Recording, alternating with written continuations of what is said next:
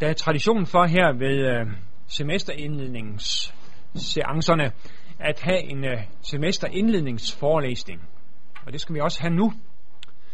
Men den har den specielle karakter, at det også er en tiltrædelsesforelæsning i forbindelse med, at Georg Adamsen her ved semesterets start er ansat som lektor i det nye testamente, efter at have gennemført øh, pædagog, øh, pædagogisk undervisning af kursus her i foråret, og efter der ikke mindst på overbevisende måder at have forsvaret sin doktorafhandling øh, om Johannes åbenbaringsbogens øh, forskellige temaer der, som også kommer til udtryk i den her øh, forelæsning, som vi skal høre nu. Altså en overbevisende, et overbevisende forsvar øh, for sin doktorafhandling på det teologiske menighedsfakultet i Oslo.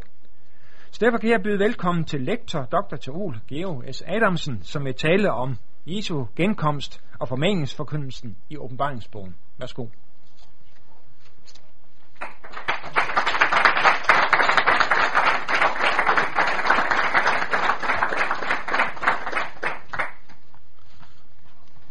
Det er jo øh, helt uvandt sådan at blive klappet ind.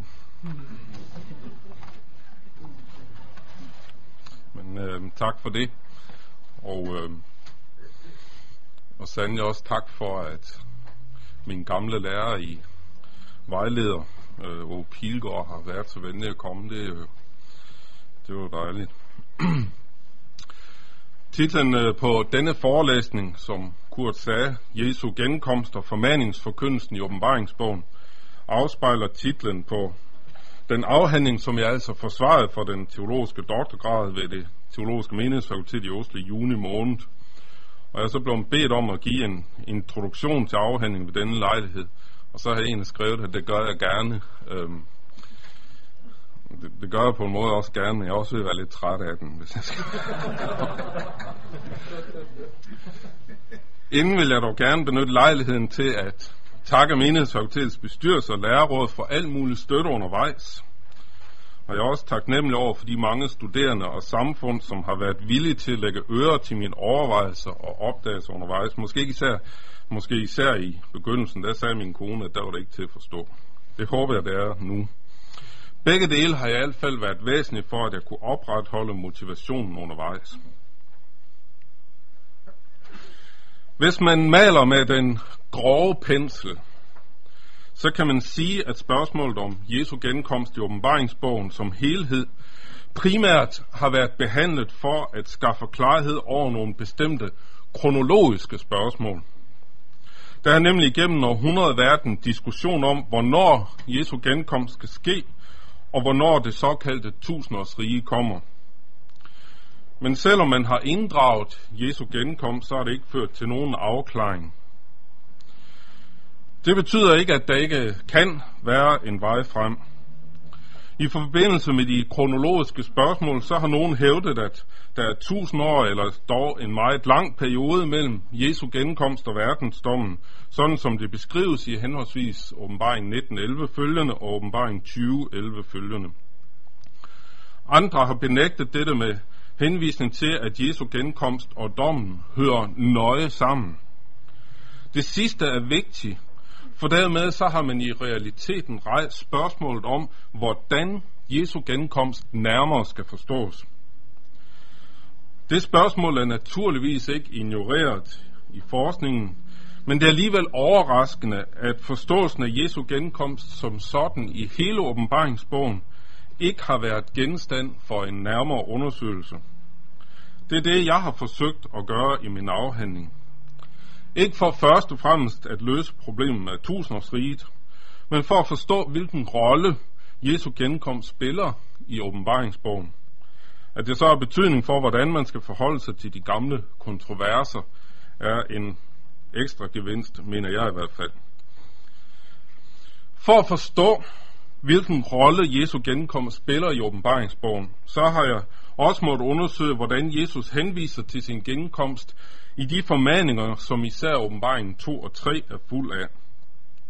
Når det gælder indholdet af og formål med formaningerne, så har den videnskabelige forskning primært taget udgangspunkt i, hvad man mener er den historiske situation.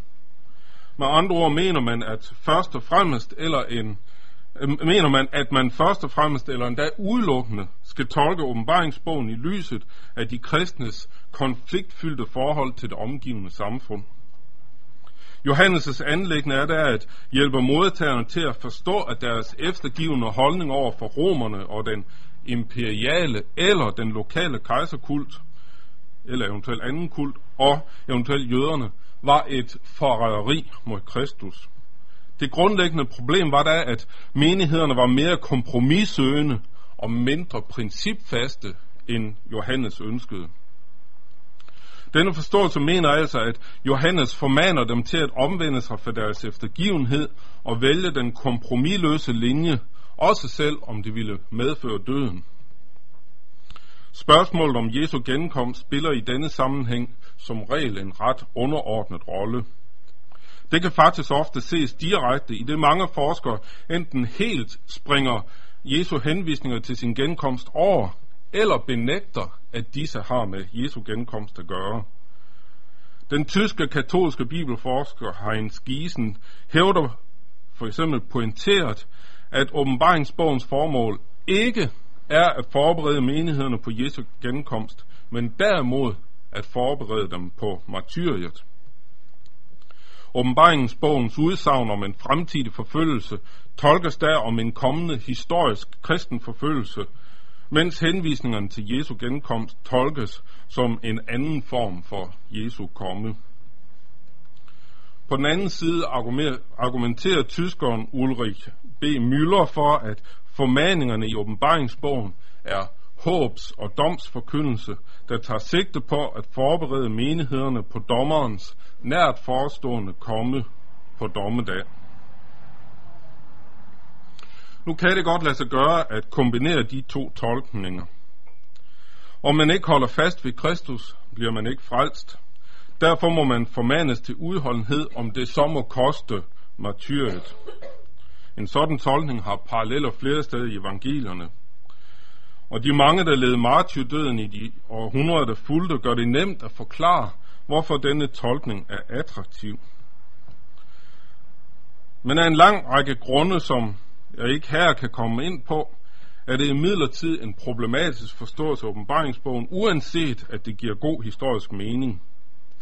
Ikke mindst er det problematisk, at man enten overdriver de faktiske historiske forfølgelser, eller udvander den forfølgelse, som åbenbaringsbogen taler om.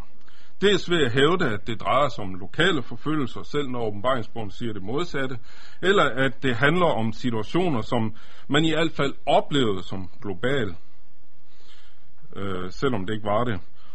Eller man gør det ved at ignorere forbindelsen mellem Jesu genkomst og den forfølgelse, som åbenbaringsbogen taler om.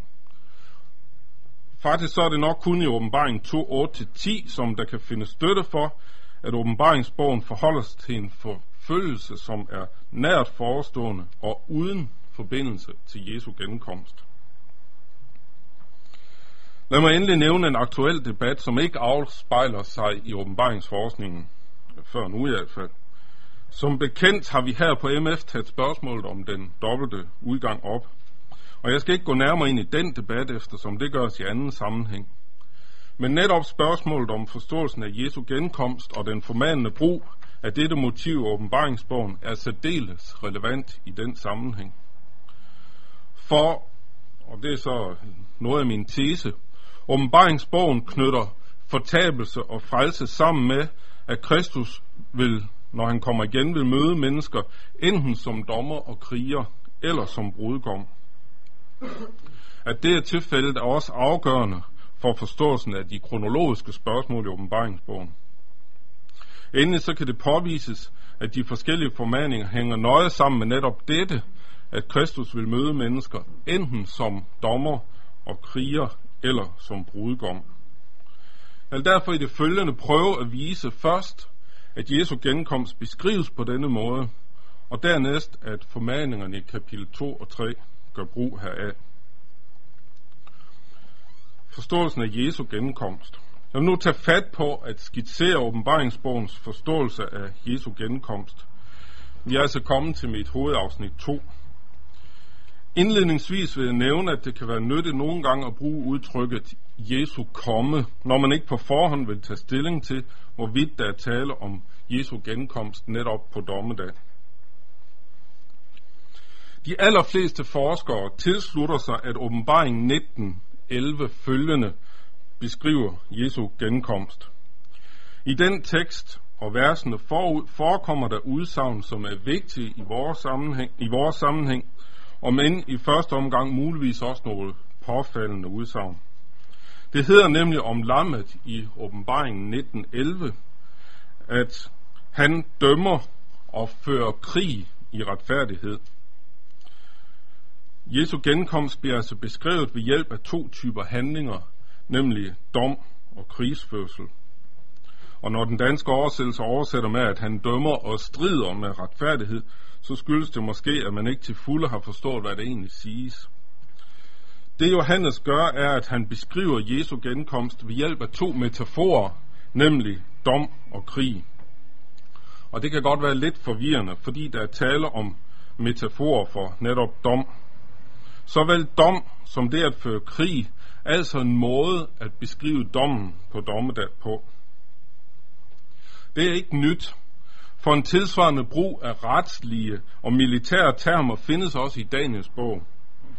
Daniel 7, 9 følgende beskriver, hvordan Gud, den gamle af dage, tager sæde, og bøger med optegnelse af menneskenes gerninger bliver taget frem. Det er en meget tydelig domstolsscene.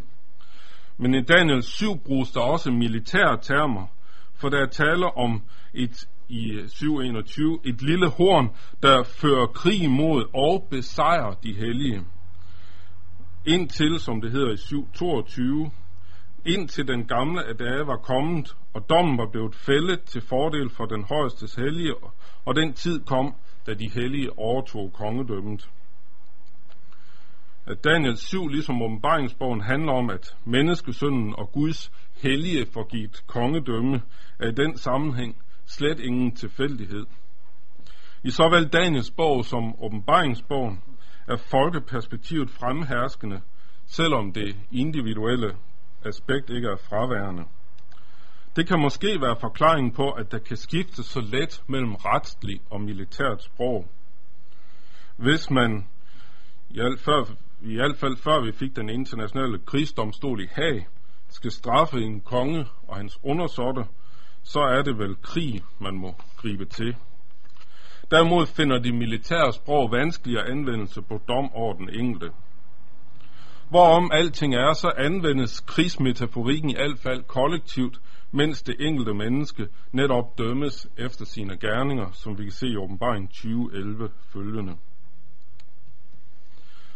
I åbenbaringsbogen hører alle mennesker enten til den store skøge Babylon, eller til det nye Jerusalem, lammets brud.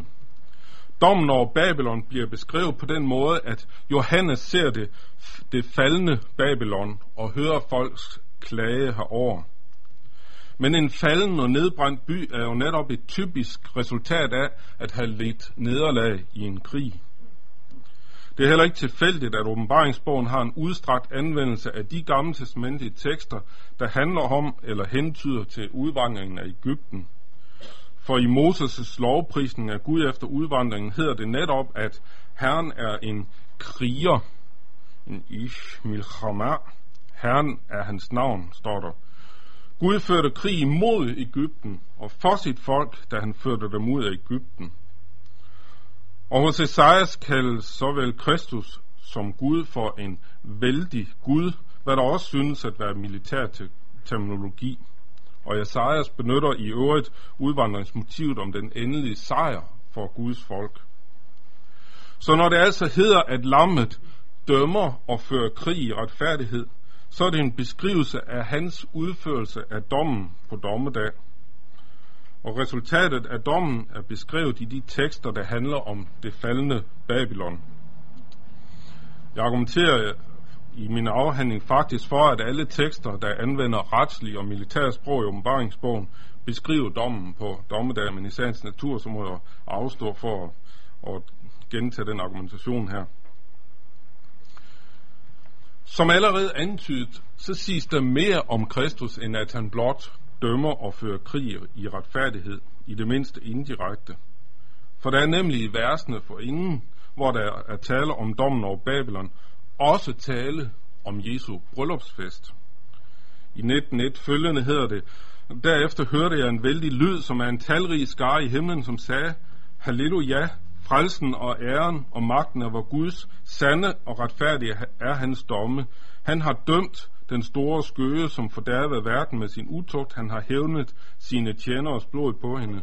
Men så i 1906 følgende hedder det, og jeg hørte lyden, som er en stor folkeskar, og som er vældig vande, og som er stærk torden, som sagde, Halleluja, Herren, hvor Gud den almægtige har taget magten. Lad os glæde os og juble og lovprise ham, for nu er lammets bryllup kommet, og hans brud har gjort sig rede. Hun har fået givet at klæde sig i lysende, rene lindeklæder, for lindeklæderne er de helliges retfærdige gerninger, og englen sagde til mig, skriv, salige er de, der er indbudt til lammets bryllupsfest. Og den sagde til mig, det er Guds sande ord. I den samme tekst, som opfordrer til lovprisning af, hans, af Gud for hans dom over den store skøde Babylon, er der altså også en opfordring til lovprisning, begrundet i, at Gud har taget magten, og at lammets bryllup er kommet. Jeg skal ikke lade narre af den oversættelse, der er i den danske oversættelse. Øh, den er kommet, står der på græsk.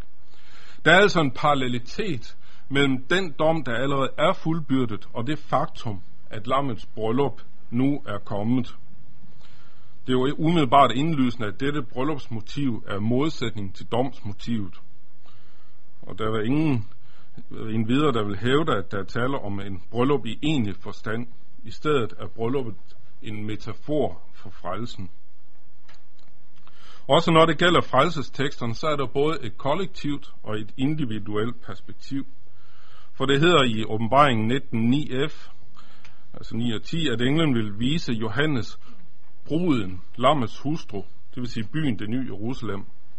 Her er byen en metafor for et kollektiv, nemlig folket, Guds herliggjorte folk. På den anden side må der vel være tale om et individuelt perspektiv, når det hedder, at særlig er de, der er inviteret til bryllupsfesten. Det er altså kirken og den enkelte trone, der henvises til. Frelsesmetaforen kendes, ligesom domsmetaforen, også i det gamle testamente. I Esajas 61.10 er det anvendt om frelsen, hvor der formodentlig er tale om Gud.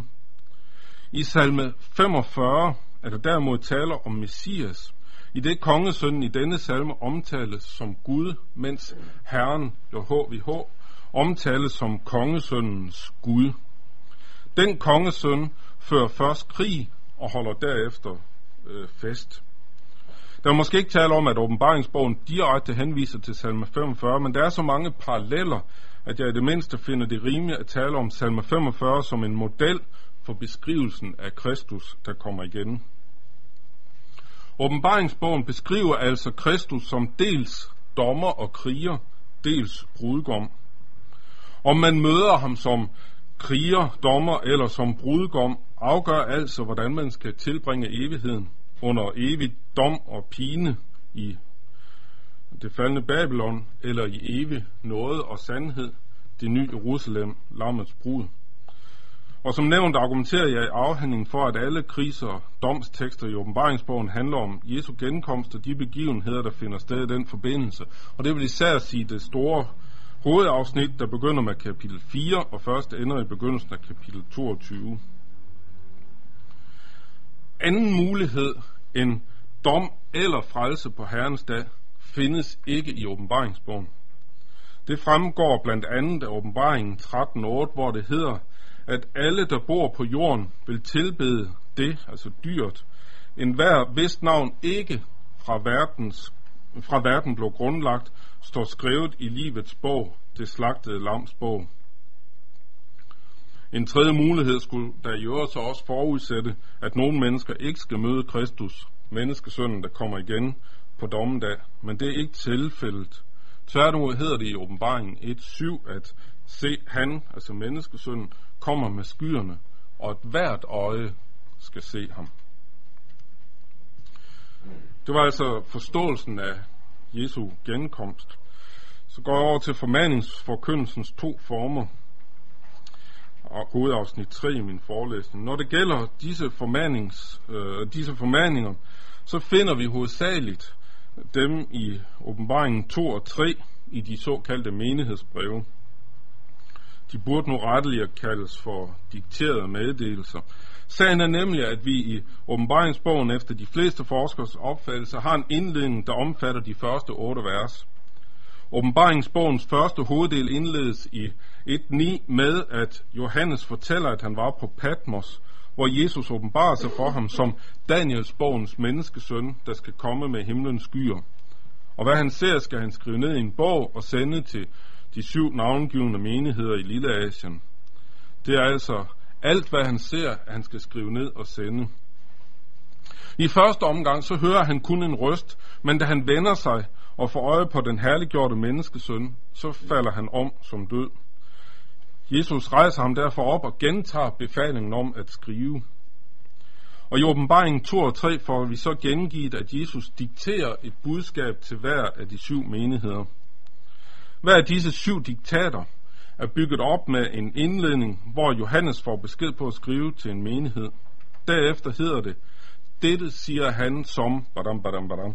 I de fleste tilfælde, der henviser Jesus direkte til sig selv, sådan som han netop har åbenbart sig for Johannes, som Daniels bogens menneskesøn. Allerede i indledningen af disse syv menighedsbreve antydes det derfor, at indholdet har med Jesu genkomst, altså med menneskesøndens komme, at gøre.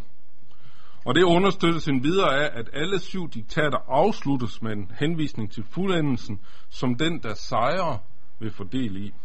Sejr skal i denne sammenhæng forstås som sejr i den domskrig, som Jesu genkomst medfører. Med andre ord er der i selve opbygningen af de syv diktater, det vil sige indledning og afslutning, et stærkt argument for, at indholdet enten handler om eller hænge nøje sammen med menneskesyndens komme på Herrens dag.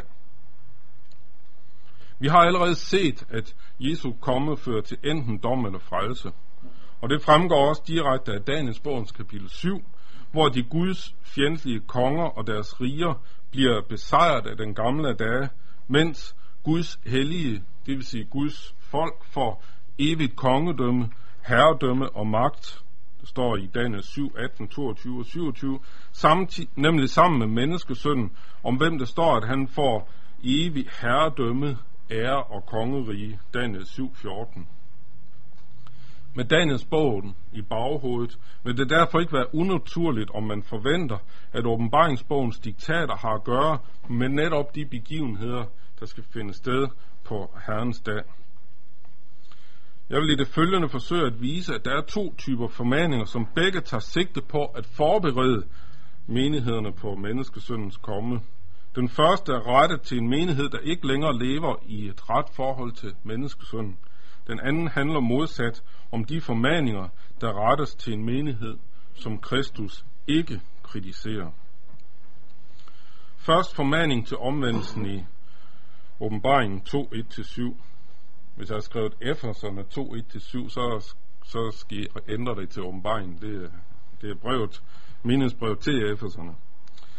Men først altså budskabet til menigheden i Efesos. Og det man til at begynde med bør lægge mærke til, er, at menigheden ikke med et eneste ord kritiseres for at have givet efter over for det omgivende samfund.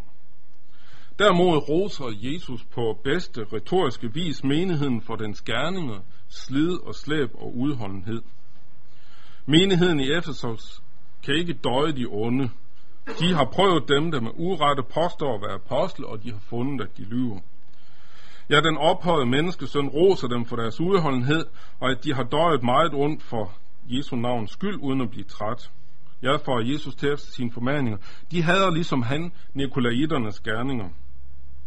Og i åbenbaring 2.15 fremgår det, at Nikolaiterne åbenbart lærer menigheden i Pergamon at spise afgudsoffer, kød og dyrke utugt. Men menigheden i Efesos hader dem, ligesom Jesus selv gør, for de fører folk i fortabelse. Og derefter min vurdering her i ingen støtte til den forståelse, at problemet skulle være forfølgelse eller trussel herom fra det omgivende samfund. Tværtimod er der her tale om en menighed, der allerede har disciplin, udholdenhed og styr på tingene. Derimod handler Jesu kritik om noget andet. Jeg har det imod dig, at du har forladt din første kærlighed, åbenbaring 2.4. Jesus formaner derfor, det græske ugen, menigheden til at huske, hvorfra den er faldet, til at omvende sig og til at gøre de første gerninger, som der egentlig står i åbenbaring 2.4. Nej, 2.5. Alternativet hertil er, at menneskesønnen vil komme over denne menighed og flytte dens lysestad fra dens plads, hvis den altså gentager Jesus ikke omvender sig. Lad os prøve at se nærmere på, hvad teksten egentlig siger. Jesus kritiserer menigheden for at have forladt sin første kærlighed. I forskningen er der uenighed om, hvad det betyder. Ikke så få vil mene, at det handler om den indbyrdes kærlighed mellem de kristne. Men efter min vurdering er der flere argumenter, der taler for en anden forståelse, nemlig at der taler om deres kærlighed til Kristus. For det første er Kristi forhold til menigheden bestemt som et kærlighedsforhold i åbenbaringsbogen. Det sker dels i prologen, hvor det siges, at Jesus elsker menigheden og har løst os af vores sønder med sit blod, dels i omtalen af kirken som lammets hustru og brud i kapitel 19 og 21. Og for det andet så minder udtrykket om Jeremias 2.2. Gå hen, står der der, og råb til Jerusalem. Dette siger Herren. Jeg husker din trofasthed, da du var ung, din kærlighed, da du stod brud.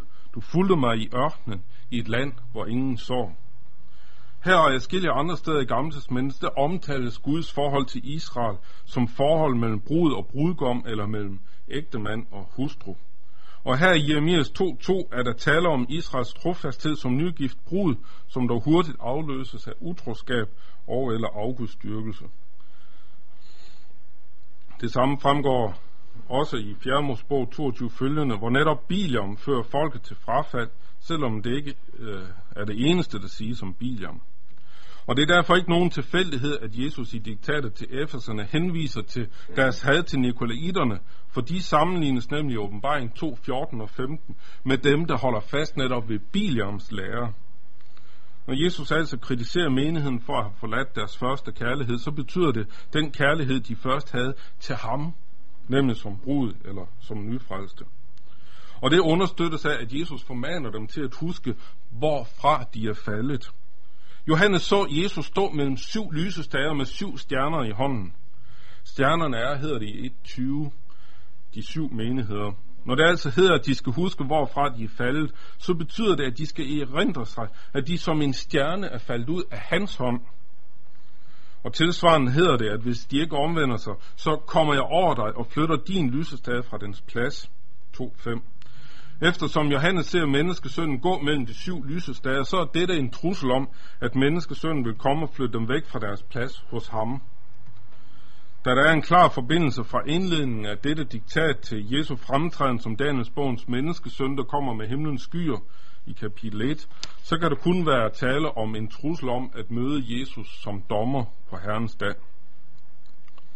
Formaning til at huske, hvorfra de er faldet, og til at vende om og dermed vende tilbage til deres første kærlighed, så de kan undgå dommen, så var altså ganske nøje til den beskrivelse af Jesus og hans genkomst, som vi afdækkede tidligere. Omvender de sig og vender tilbage til deres første kærlighed, det vil sige deres brudgom, så vil de møde menneskesønnen som brudgom på Herrens dag. Når han kommer som kriger, dommer, kommer han altså ikke imod dem, men med dem. Derfor får de del i sejren og vil få lov til at spise af livets træ i Guds paradis 2.7. Når det så endelig hedder, at de skal omvende sig og gøre de første gerninger, så må det være parallelt med den første kærlighed, og altså være gerninger, der er gjort af kærlighed til Jesus, det vil sige gerninger, der udspringer af et ret forhold til ham. Allerede her i det første diktat er det altså muligt at finde den samme tematik, som vi finder i beskrivelsen af Jesus og hans genkomst i slutningen af åbenbaringsbogen.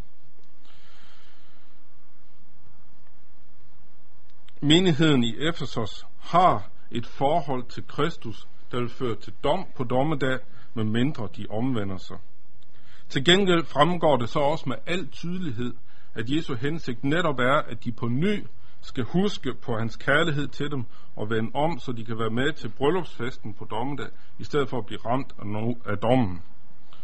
Og nogen tredje mulighed synes der eh, ikke at være her.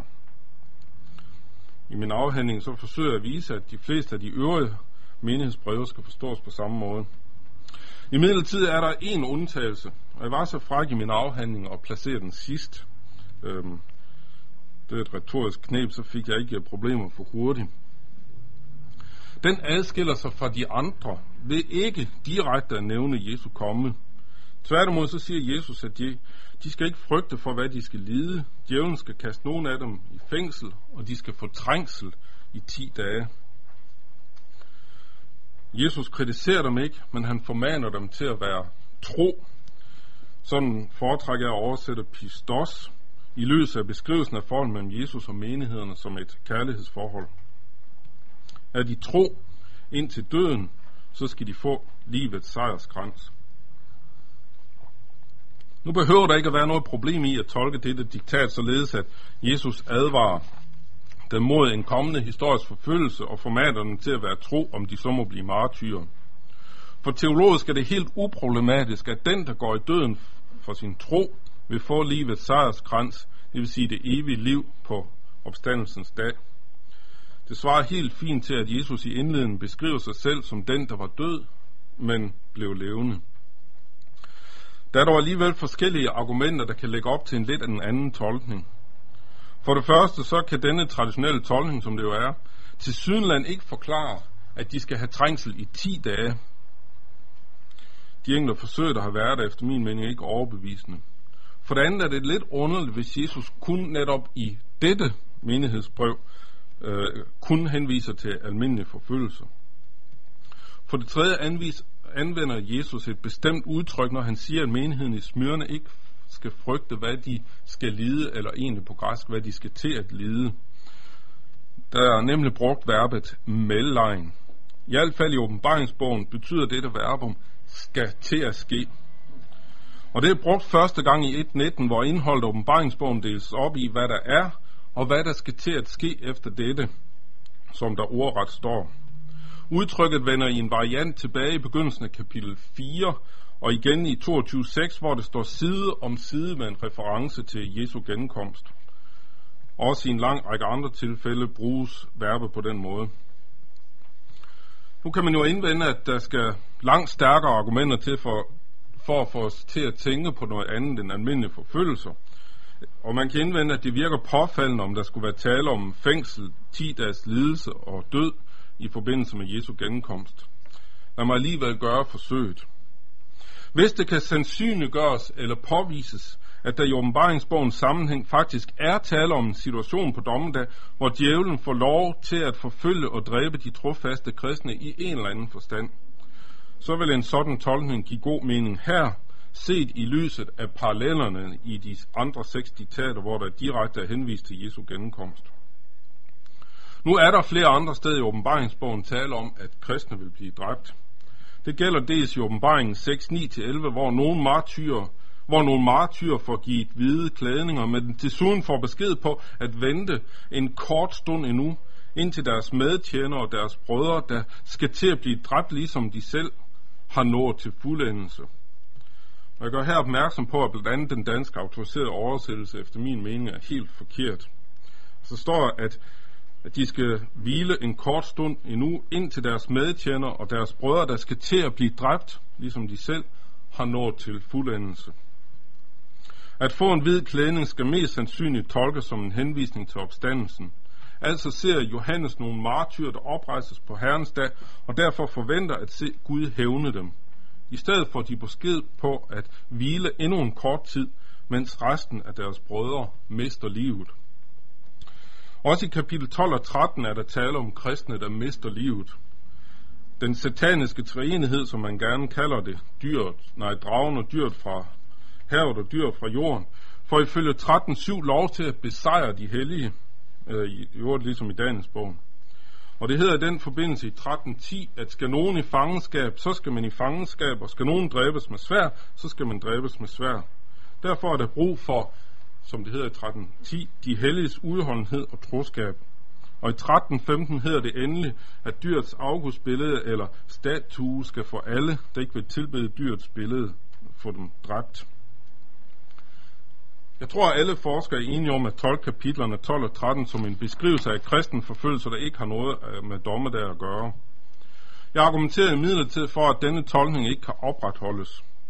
Argumentationen er ret omfattende, øh, og jeg må henvise til afhandlingen for en grundig drøftelse. Men hele denne krig mellem på den ene side den sataniske treenighed og dem, der tilbærer den, og på den anden side lammet og dem, der følger ham, indledes af en ganske bestemt begivenhed, som beskrives i begyndelsen af kapitel 12. Her ser Johannes et stort tegn på himlen, der er helt parallel med det tegn, han ser i åbenbaringen 15 og 16, hvor der uden diskussion er tale om dommedag. Og begge afsnit, altså kapitel 12 til 14 og kapitel 15 og 16, indledes af 11, 15 til 17. Her i hedder det, at verdens hørdømmet er nu vor herres og hans salvedes, og han skal være konge i evighedernes evigheder. Der er med andre ord udtrykkeligt tale om dommedag. Udtrykket, vor herres og hans salvedes henviser til salme 2, som også beskriver herrenes dag. Øhm, det er der ganske vist uenighed om, men det må jeg henvise til afhandlingen vedrørende.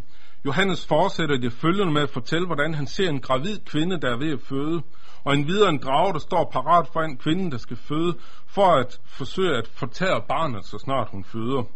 Det lykkes imidlertid ikke, for det hedder i 12.5, at hun fødte en søn, en dreng, som skal til at vogte alle folkeslagene med et jernscepter, og hendes barn blev bortrykket til Gud og hans trone. Denne fødsel er efter min opfattelse ikke Jesu fødsel af Jomfru Maria, men derimod en metafor for Jesu tronbestigelse, akkurat som det hedder i salme 2. Dels at jeg har indsat min konge på Sion, mit hellige bjerg, dels at du er min søn, jeg har født dig i dag. Og i denne sammenhæng er fødsel en metafor for at blive indsat som konge. Henvisninger til salme 2 i såvel 11.15 som åbenbaring 12.5 handler altså begge om Jesu genkomst og indsættelse som konge.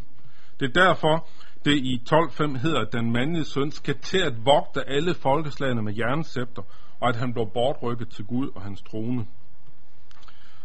Efterfølgende sker der det, at Satan i ejerskab over, at han ikke kan forhindre Jesus i at blive indsat som konge på Sion på Herrens dag, men tværtimod må se ærkeenglen smide sig ud af himlen, det fortæller åbenbaringsbogen i 12.7 følgende, så giver Satan sig til at forfølge de kristne i stedet for.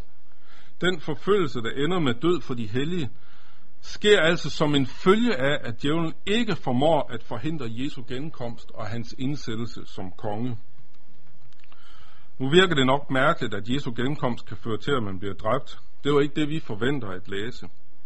Men vi skal huske, at hele åbenbaringsbogens tale om dom og krig er metaforer, altså billedsprog. Spørgsmålet er derfor, hvad denne død og efterfølgende opstandelse må er. Jeg finder, at det er nyttigt at sammenligne, hvad der sker med de hellige, med hvad der skal ske med universet. Som bekendt hedder det i åbenbaringen 21.1, at Johannes så en ny himmel og en ny jord.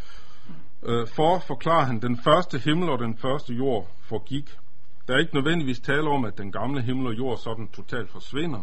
Der er snarere tale om, at den herliggøres, eller lutres, som Grundtvig kaldte det i den salme, vi lige har sunget. Eller at den genfødes, som det hedder i Matthæus 1928. Man kunne også kalde det en transformation. Efter min opfattelse, skal man forstå talen om, at de troende dør, men oprejses på en tilsvarende måde. De troende stød og opstandelse i denne domskrig på Herrens dag er en metafor for den forvandling, som de, der lever, når Kristus kommer igen, skal igennem. Gud bruger djævlen som sit redskab og udsætter dermed de troende for den sidste prøvelse. For man er ikke frelst, før man har aflagt sit vidnesbyrd om Kristus på Herrens dag. Og det er i så fald lige præcis begrundelsen for, at Jesus formaner menigheden i Smyrne til at være tro til døden. Altså i virkeligheden at være tro til og med dommedag.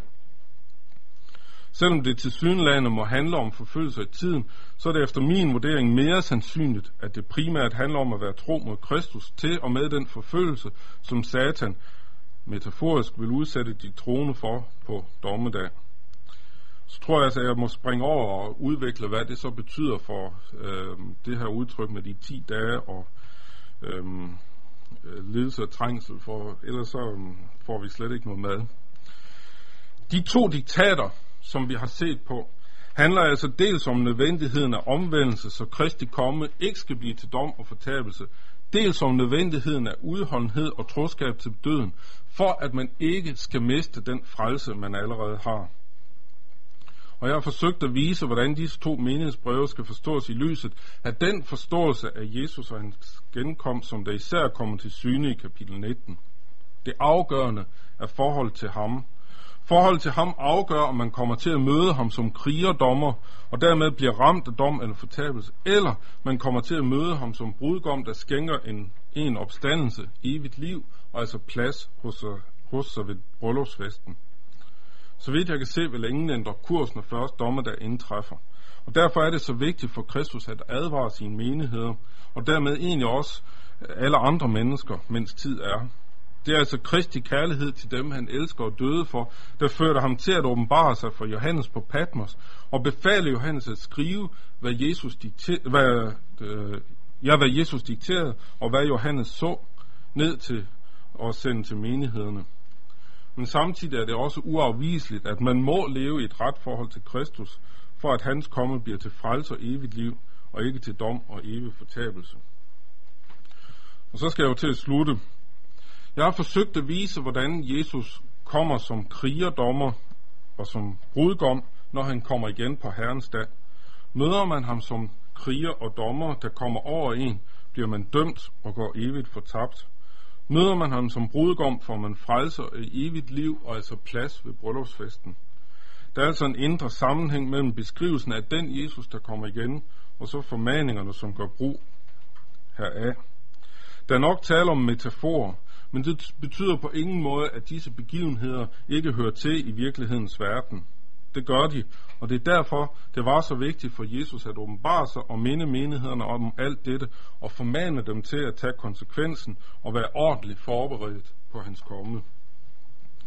Derfor er det også vigtigt for os at sætte os grundigt ind i, hvad der skal ske, når Jesus kommer igen, for vi skal jo alle møde ham på Herrens dag. Så vidt jeg kan se, er der ikke, over, er der ikke uoverensstemmelse mellem åbenbaringsbogen og resten af NT, eller GT for den sags skyld, når det gælder spørgsmålet om dommedag. Men åbenbaringsbogen beskriver dommedag og fremfører formaningerne til at være forberedt herpå med en styrke, som vi ikke finder tilsvarende andre steder. Åbenbaringsbogens budskab, dens tema og forkyndelsessigte, kan derfor gerne fungere som eksemplarisk pensum, når det gælder spørgsmålet om Jesu genkomst til enten frelse og evigt liv, eller dom og evig fortabelse. Tak for jeres øh, tålmodighed.